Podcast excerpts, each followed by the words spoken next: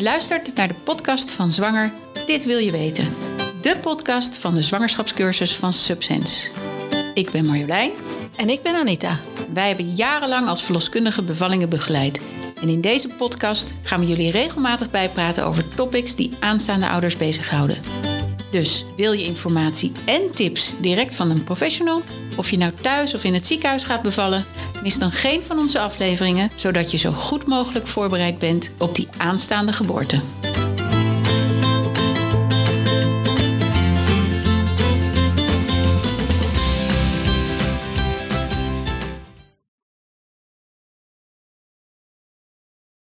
Waar zullen we het dit keer eens over hebben, Marjolein?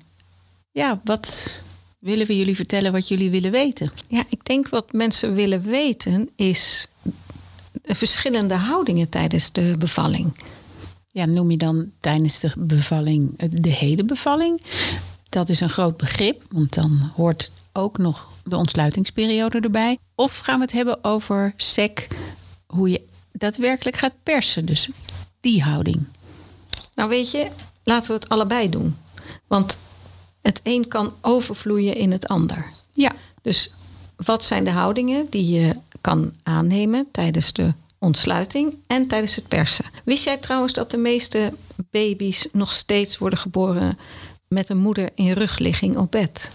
Ja, dat vinden de meeste mensen ook het meest logische. Bevaltechnisch is het misschien niet het meest logische. Nou, voor de verloskundige is het het meest gemakkelijke. Je hebt goed overzicht, je kunt lekker gewoon uh, rustig blijven staan. En voor de moeders, ja, als jij je niet lekker voelt, stel je bent ziek, dan ga je ook je bed in, ga je ook liggen. Ja, maar je bent niet ziek als je Dat aan het bevallen bent. Nee, en dat is een groot verschil. Er zijn veel eh, voordelen voor een andere houding ten opzichte van het eh, liggen op je rug in bed. Ja, en dus je hoeft geen rekening te houden met de verloskundige.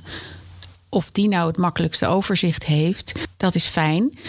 Maar eigenlijk gaat het erom of die vrouw het makkelijkst bevalt. Ja. Toch? Ja, en eh, verloskundigen zijn ook wel eens met het feit dat bevallingen soms beter gaan in een andere houding. Ja. Dus- Maar laten we starten met houdingen die je kunt aannemen tijdens de ontsluitingsperiode. Ja, nou, bevalhoudingen tijdens de ontsluitingsperiode. Het beste is natuurlijk om verschillende houdingen aan te nemen. Want in één houding de gehele ontsluitingsperiode te volharden is. nee, eh, dat is niet te doen. Kijk, ik zeg altijd, als je lekker in je bed ligt en je gaat lekker in je bed liggen, heerlijk, en je, je nestelt je in je bed. Als je dan in een bepaalde houding ligt, kan dat heel fijn zijn. Maar er komt na een tijdje altijd weer dat je van houding wil veranderen, omdat je dan die houding niet meer zo lekker aanvoelt. nee, je spieren die raken eigenlijk ook vermoeid daardoor. En het beste is om verschillende houdingen aan te nemen. Het schijnt ook zo te zijn dat als je wat meer verticaal bent tijdens de ontsluiting, dat die ontsluiting ook minder lang duurt. Dat ligt natuurlijk aan het meehelpen van de zwaartekracht. Ja. Want Een W die duwt jouw baby wat meer naar beneden tegen de baarmoedermond aan, hè, waar eigenlijk de ontsluiting plaatsvindt. En eh, de zwaartekracht helpt natuurlijk ook mee met het duwen. Zeker. En wat het ook helpt, is dat stel je kindje is ingedaald of gaat indalen, de vliezen zijn gebroken, dan wordt hij in een bepaalde houding naar beneden geduwd. Maar stel dat dat net een beetje scheef is op je bekken en je blijft in één houding zitten, Blijft dan die baby ook zo zitten? blijft die baby zo zitten.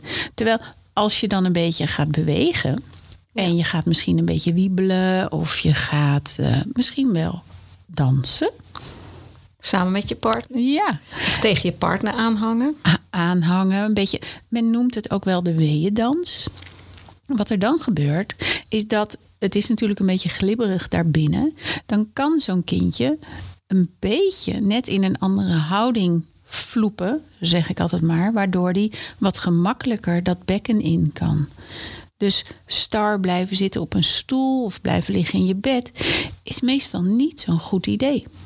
Nee, en het schijnt ook te zijn dat je minder ongemak en pijn ervaart als je eh, misschien een andere houding kan vinden. En je hebt die houding dat je on all fours gaat. Dus dat betekent uh, dat je op je onderbenen steunt en op je handen, of juist op je onderarmen, of je hangt over een bal met je bovenlichaam, hè, on all fours, dan ontlast je je rug.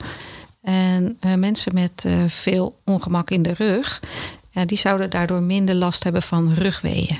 Daarbij kan... kan... je partner dan ook lekker je rug masseren. Ja, zo is het. En je kan een beetje je rug wat hol en bol maken, waardoor je je spieren ook een beetje losmaakt. Dus dat is een houding die soms prettig is. Het kan ook zijn dat bepaalde houdingen met je partner samen, hè, waar jij je partner omhelst en hij ondersteunt je van de voorkant of juist naar achteren. Hè, hij gaat achter je staan en ondersteunt je daar. Uh, dat geeft eigenlijk weer meer uh, liefdeshormoon. Oxytocine. Ja, en oxytocine zorgt voor betere weeën. En tegelijkertijd is het ook pijnstillend, wat heel gek klinkt, maar daar zijn veel onderzoeken naar gedaan. En dat wordt een andere keer wel weer uitgelegd in een podcast. Jazeker. En de partner is dus ook essentieel in de ontsluitingsperiode. Dus niet alleen om je te steunen, maar ook om die weeën op gang te houden. En, die, en die pijnstilling te geven. Dus partners gaan niet stil in een hoekje zitten en af en toe zeggen van... oh, je doet het hartstikke goed hoor, prima. Maar word ook actief in het hele proces. En zeg eens, joh, zullen we deze houding eens even proberen? Of deze houding. Of, dat is heel belangrijk in, uh, in het hele geboorteproces. Ja, welke houdingen zou je kunnen nemen tijdens die ontsluiting? Hè? We hebben gezegd, uh, ga niet alleen op bed liggen. Dus dat is een horizontale houding. En welke houdingen zijn nou wat meer verticaal? Dat is gewoon gaan staan en wat bewegen, wat lopen. doen ook veel mensen trouwens. Hè? Een beetje ijsberen. Ja, trap oplopen. Ja, trap, uh, trap weer aflopen. En dat heupwiegen, dat helpt zelf uh, vaak ook. Want mensen wiegen graag als ze zich wat oncomfortabel voelen. On all fours dus.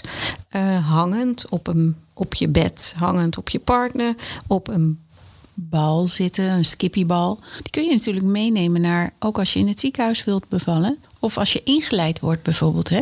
Stel, mensen zeggen dan ja, maar dan word je op zo'n bed gelegd en dan is dat het. En natuurlijk word je dan bewaakt. Dus je zit aan allerlei lijntjes en een infuus misschien wel. Maar dan nog kun je naast je bed zeker wel gaan zitten en zo'n bal meenemen of uh, aan je partner gaan hangen of over dat bed heen hangen, omdat die lijntjes die zijn wel 2, 2,5 meter lang. Dus je hebt genoeg ruimte om ook daar een beetje beweging te zoeken. Nou, kijk. En wat ook fijn is, wat mensen soms ook fijn vinden omdat het pijnstillend is, is warmte. En waar kun je die warmte vandaan halen? Lekker onder een warme douche. Ja. Of, in bad. Ja, in bad. In bad vinden mensen natuurlijk ook prettig. Hè? Er zijn legio uh, vrouwen die uh, menstruatiepijn hebben en dan juist in bad gaan. Het is overigens niet zo'n goed idee om een hete kruik tegen je buik aan te doen. Dus dat zou je met menstruatiepijn wel doen, in de zwangerschap niet. niet. Maar je je zou eventueel wel een lekkere warme kruik in je rug kunnen leggen. Ja, ja dat kan, als je rugpijn hebt. Ja, ja, dat kan wel. En dan zou je op je zij kunnen gaan liggen. Want plat op je rug liggen tijdens de ontsluitingsperiode is natuurlijk niet zo'n goed plan. En dat heeft weer te maken met de zwaarte van je baarmoeder met het kindje erin. Die dan op een groot vat kan drukken. Waardoor je je misschien een beetje duizelig gaat voelen. Ja, dat merk je natuurlijk snel genoeg. Hè, als dat bij jou aan de hand is. Dan kun je ook op je zij gaan liggen voordeel of nadeel van zijligging is dat soms de weeën daardoor beter worden. Ja, linkerzijligging is mij altijd geleerd, geeft betere weeën. Maar als we dat deden, als ik dat voorstelde, vonden vrouwen dat vaak niet heel prettig. Want dan zeiden ze, ja, maar dan worden de weeën scherper. Ja, dat kan. Nou, dan moet je het niet doen. Maar zoek je een andere houding op. Ja. In bad kan je dan ook in je gewone bad? Want er zijn natuurlijk bevallingsbaden. Maar je kunt net zo goed in je eigen bad thuis gaan zitten. Tuurlijk kan je in je gewone bad. Alleen het is wat krapper. En vaak steekt je buik dan een beetje boven het water uit. Maar wat dan een goede tip is, is dat je dan met een washand of een handdoek die je regelmatig weer nat maakt, die buik lekker warm houdt. Waardoor je niet zo'n koude ijsberg buiken krijgt, zou ik maar zeggen. Ja. Nou, die, die verschillende houdingen, eh, ja, daar kun je op letten tijdens de ontsluitingsperiode. Maar dan komt er op een gegeven moment ook een, een moment dat je mag gaan persen. En dan hoeft het niet per se logisch te zijn om dan je bed in te gaan. Eh, persen plat op je rug in bed met je benen opgetrokken is wel de meest voorkomende houding waarin mensen nog steeds bevallen. Ja, Maar maar ik zeg altijd, als je een ontlasting hebt, ga je toch ook niet plat op je rug liggen in, in je bed? ik heb nog nooit geprobeerd. Nee, ik ook niet, gelukkig. Want mm, dat moet je vaak als je een operatie hebt gehad, of weet ik het. Als je Ja, maar dan nog helpen ze je op een po. Ja, Dus overeind. ja. Maar bevallen doen we dus blijkbaar wel op onze rug, omdat dat het meest makkelijk is. Ja, voor een verloskundige ideaal. Want je kunt twee handen gebruiken. Je zet één voet van de vrouw in je heup en je hebt prachtig overzicht. Ja. Maar het is natuurlijk zo dat je dan het baringskanaal heeft een soort vorm een beetje naar boven toe. En dan moet je dus tegen de zwaartekracht in gaan duwen. Ja, dat klopt. En, En- de baby moet dus ook een veel grotere bocht gaan maken.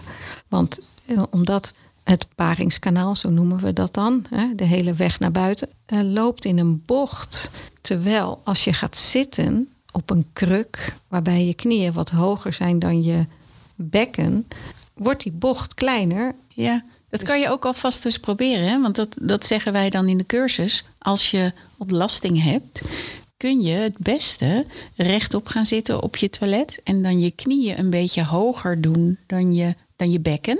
Ja, krukje nemen. krukje, maar je je voeten opzet. En dan moet je eens kijken. Dan gaat je ontlasting veel gemakkelijker naar buiten. Dan dat je je voeten gewoon op de grond hebt staan. Het is sowieso een aanrader voor iedere zwangere om zo te poepen. Laat ik het zo maar even noemen. Want je hebt al iets meer kans op aanbijen door alle hormonen. De hormonen maken namelijk de wand van de vaten wat eh, slapper. En dan heb je ook nog vaak obstipatie. En je hebt die ijzertabletten. En dus het gaat ook minder makkelijk. Zet altijd een krukje op je wc. Want ook dat kanaal van eh, de ontlasting, dus je darmen lopen in diezelfde bocht als paringskanaal. Dus als jij met een krukje gaat zitten, loopt ook de endeldarm recht naar beneden. Dus hoef je niet keihard te persen op een bocht, waardoor die vaten ook nog onder druk komen te staan en je eerder, nog eerder kans hebt op aanbijen. Ja, niet alleen voor zwangeren, ook voor andere mensen is het heel belangrijk om de knieën wat hoger te hebben dan hun bekken. Ja, dat weet je toch als je naar Frankrijk gaat en je gaat, komt toevallig op een Frans toilet terecht. Ja, maar dat vinden Nederlanders heel lastig. En dat is het ook. Wij En zijn maar- dat niet gewend. Dus krukje. een krukje in het toilet helpt je.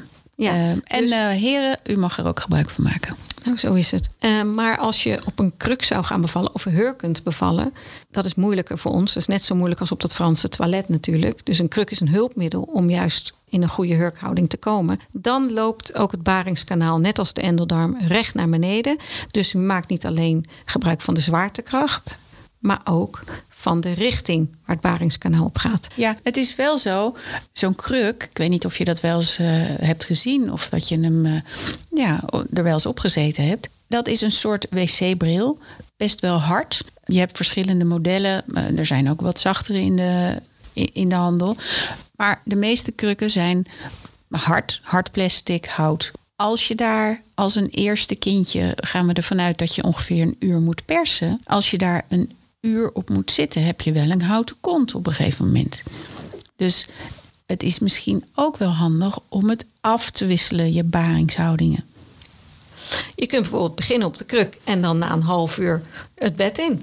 Ja, zodat je de eerste periode waarin je soms toch niet helemaal weet hoe je moet persen, waar je naartoe moet persen, dan is het gemakkelijk om zo'n toilethouding te hebben. Zodat je weet, oké, ik weet wel hoe ik eh, moet poepen. Dus dan weet ik ook waar ik naartoe moet persen. Maar er is niks op tegen om gewoon op die kruk te blijven. Hè? Nee. Kijk, er is ook niks op tegen als je in bed wil blijven. Ieder zijn eigen bevalling, ieder zijn eigen keuze.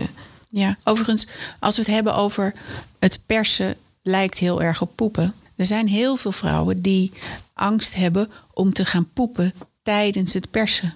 Is dat een probleem? Nee, dat is geen probleem.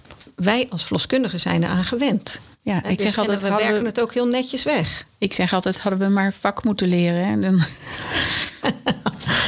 Hadden we andermans shit niet hoeven opruimen.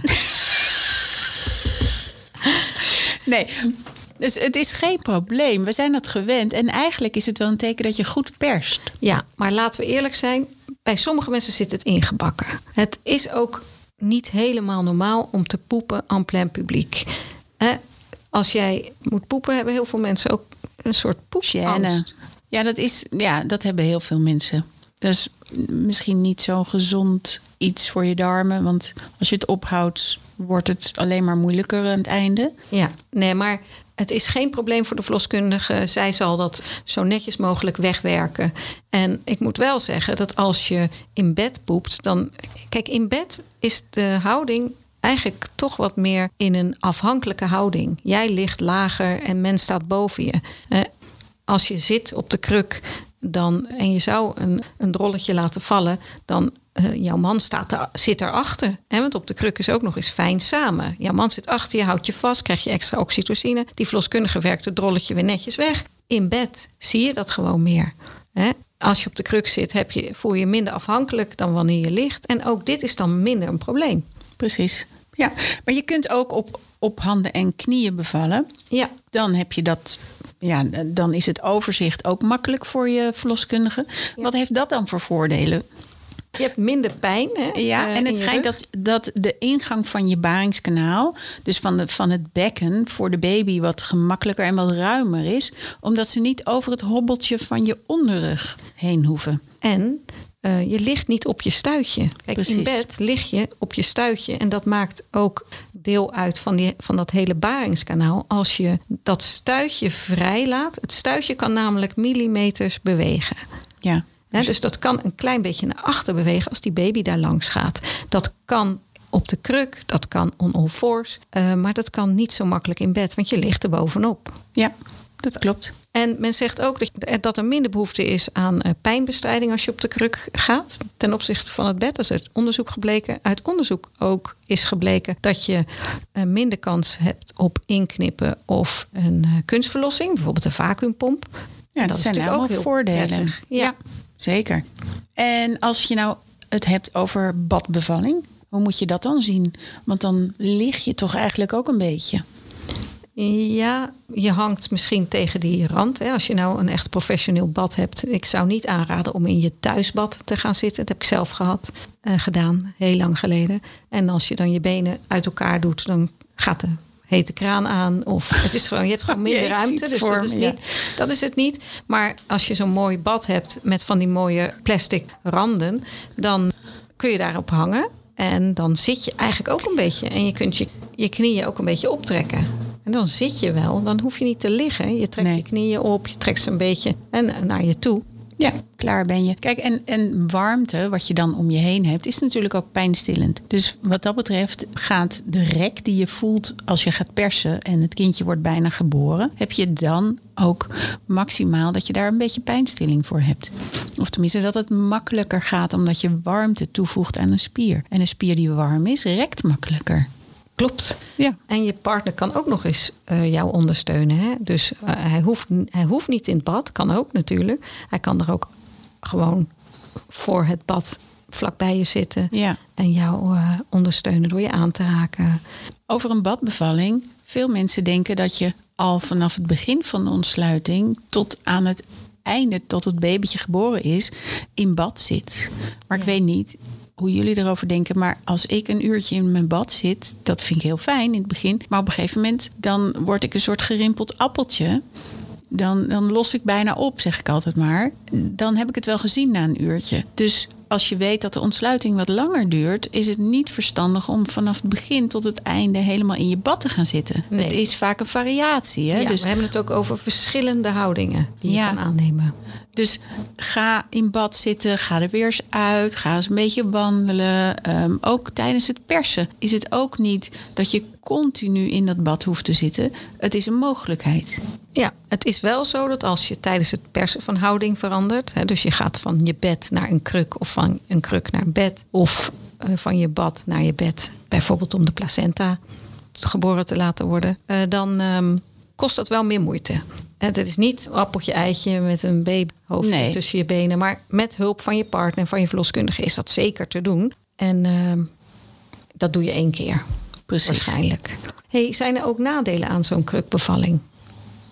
Ja, natuurlijk. Overal zijn nadelen aan, maar ze zijn niet zo groot. Een van de nadelen zou kunnen zijn dat je het bloedverlies niet in de gaten kunt houden. Of tenminste, dat, dat er meer bloedverlies zou zijn na de geboorte van de baby. Dat komt uit onderzoek. Hè? Ze zeggen dat uh, er een aantal nadelen zijn van de krukbevalling. Dat is dat het sneller gaat. Nou, dat is in sommige gevallen een nadeel misschien. Je tweede kind krijgt, derde kind en het was daarvoor ook al heel snel gegaan. Ja, dan kun je misschien net zo goed in bed bevallen. In bed met je knieën, met je voeten in bed en een beetje uit elkaar. Want dat kan sneller gaan. Maar bij een eerste kind zie ik daar nou niet echt een nadeel in. Nee. Hè? Want dan moet je één tot anderhalf uur persen. En dat zal op de kruk dan misschien wat sneller gaan. En dat is alleen maar fijn. Maar het, het hoofdje wordt ook wat sneller geboren. En een van de dingen, verloskundigen zijn er heel goed in. En zeker gespitst op dat het uh, geboorte van het hoofdje wat uh, niet te snel gaat op de kruk. Ja, gedoseerd. Ja, want anders zou je iets meer kans hebben op een scheurtje. Ja, wel minder kans op een knip. Ja, zeker. Ja, een scheurtje hield gewoon beter. Hè? Dus Ja. dat, uh, maar dat bloedverlies, bloedverlies op de kruk hebben ze uit onderzoek ook is gebleken dat dat iets meer is dan in bed. Alleen daar zijn wel vraagtekens bij gezet. En dat kan ik me ook wel voorstellen, want op de kruk zit je, daar staat een, een pootje onder, zeg. Ja. En daar, Daar staat een valt het bloedverlies in. Dus je ziet het gewoon, hoeveel Ja. het is. En Maar als je in je bed ligt, dan zie je dat niet. Dan zit het, blijft het in je baarmoeder en gaat het pas eruit als je gaat staan of als je erop gaat drukken. Dus ja, dat is de vraag. Dat is een groot verschil. En in, Ja. in het bed, als, dan zie je wel wat bloed. Bloed komt pas vrij als de baby geboren is. Maar dan zie je het bloed op matjes liggen. En dan maken we daar een schatting van. En wat is een schatting vergeleken met gemeten bloedverlies? Ja, je kunt dus de, de matjes dan wel weer gaan wegen. En, Doe je niet altijd. Dat doe je niet altijd. Een feit is dat dat bloedverlies pas na de geboorte is. Dus wat ik vaak deed, is dat ik de kruk naast het bed zette. En op het moment dat het kindje geboren was en de placenta nog niet, dan zei ik: joh, ga lekker liggen in je bed. En dan gingen we verhuizen, kindje mee, hoeft niet eens afgenaveld te worden, maar gewoon hup, je houdt het vast en je verhuist naar je bed en je hebt na gedane arbeid is het goed rusten. Je ligt heerlijk en dan kunnen wij ons bemoeien met de placenta. die Weet je, nog dat klinkt komen. voor mij als een ideale bevalling. Ja, hey, en als jullie nog iets meer willen weten, dan eh, misschien kennen jullie eh, de KNOV, dat is de Koninklijke Nederlandse Organisatie voor Verloskundigen. Die heeft ook allerlei informatie. En zij hebben ook een folder met allerlei eh, houdingen die mooi getekend zijn. En die kun je vinden op www.deverloskundige.nl. En dat is dus in samenwerking gemaakt met het KNOV. nou, dat is een hele mooie afsluiting, denk ik. Zeker. Tot de volgende keer. Dank voor het luisteren.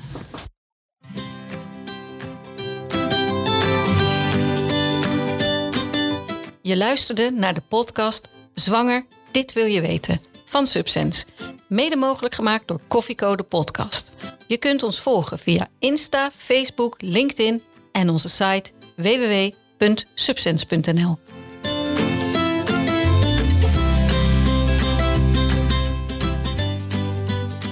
je kunt bijvoorbeeld beginnen op de knuk. eh, knuk. je kunt bijvoorbeeld beginnen op de kruk.